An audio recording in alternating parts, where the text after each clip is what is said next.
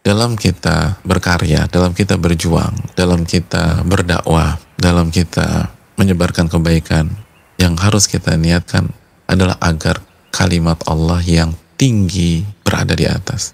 Bukan kita yang jadi pahlawannya. Jangan punya motif biar kita yang dipuji, biar kita yang terlihat di permukaan, biar kita dapat panggung. Jangan. Adapun kita dipuji setelah itu tanpa ada niat demikian, tilka ajru busyrul mu'min. Itu kabar gembira bagi seorang mukmin sebelum Allah masukkan ke surga. Terapkan apa yang diterapkan Imam Nawawi. Nggak suka dipuji, nggak suka dapat gelar beliau. Tapi tetap aja dikasih gelar sama para ulama. Dan tetap aja kita muji. Sampai hari ini kita puji beliau. Intinya litakuna kalimat Allah ulia agar kalimat Allah yang tinggi menjulang. Bukan kita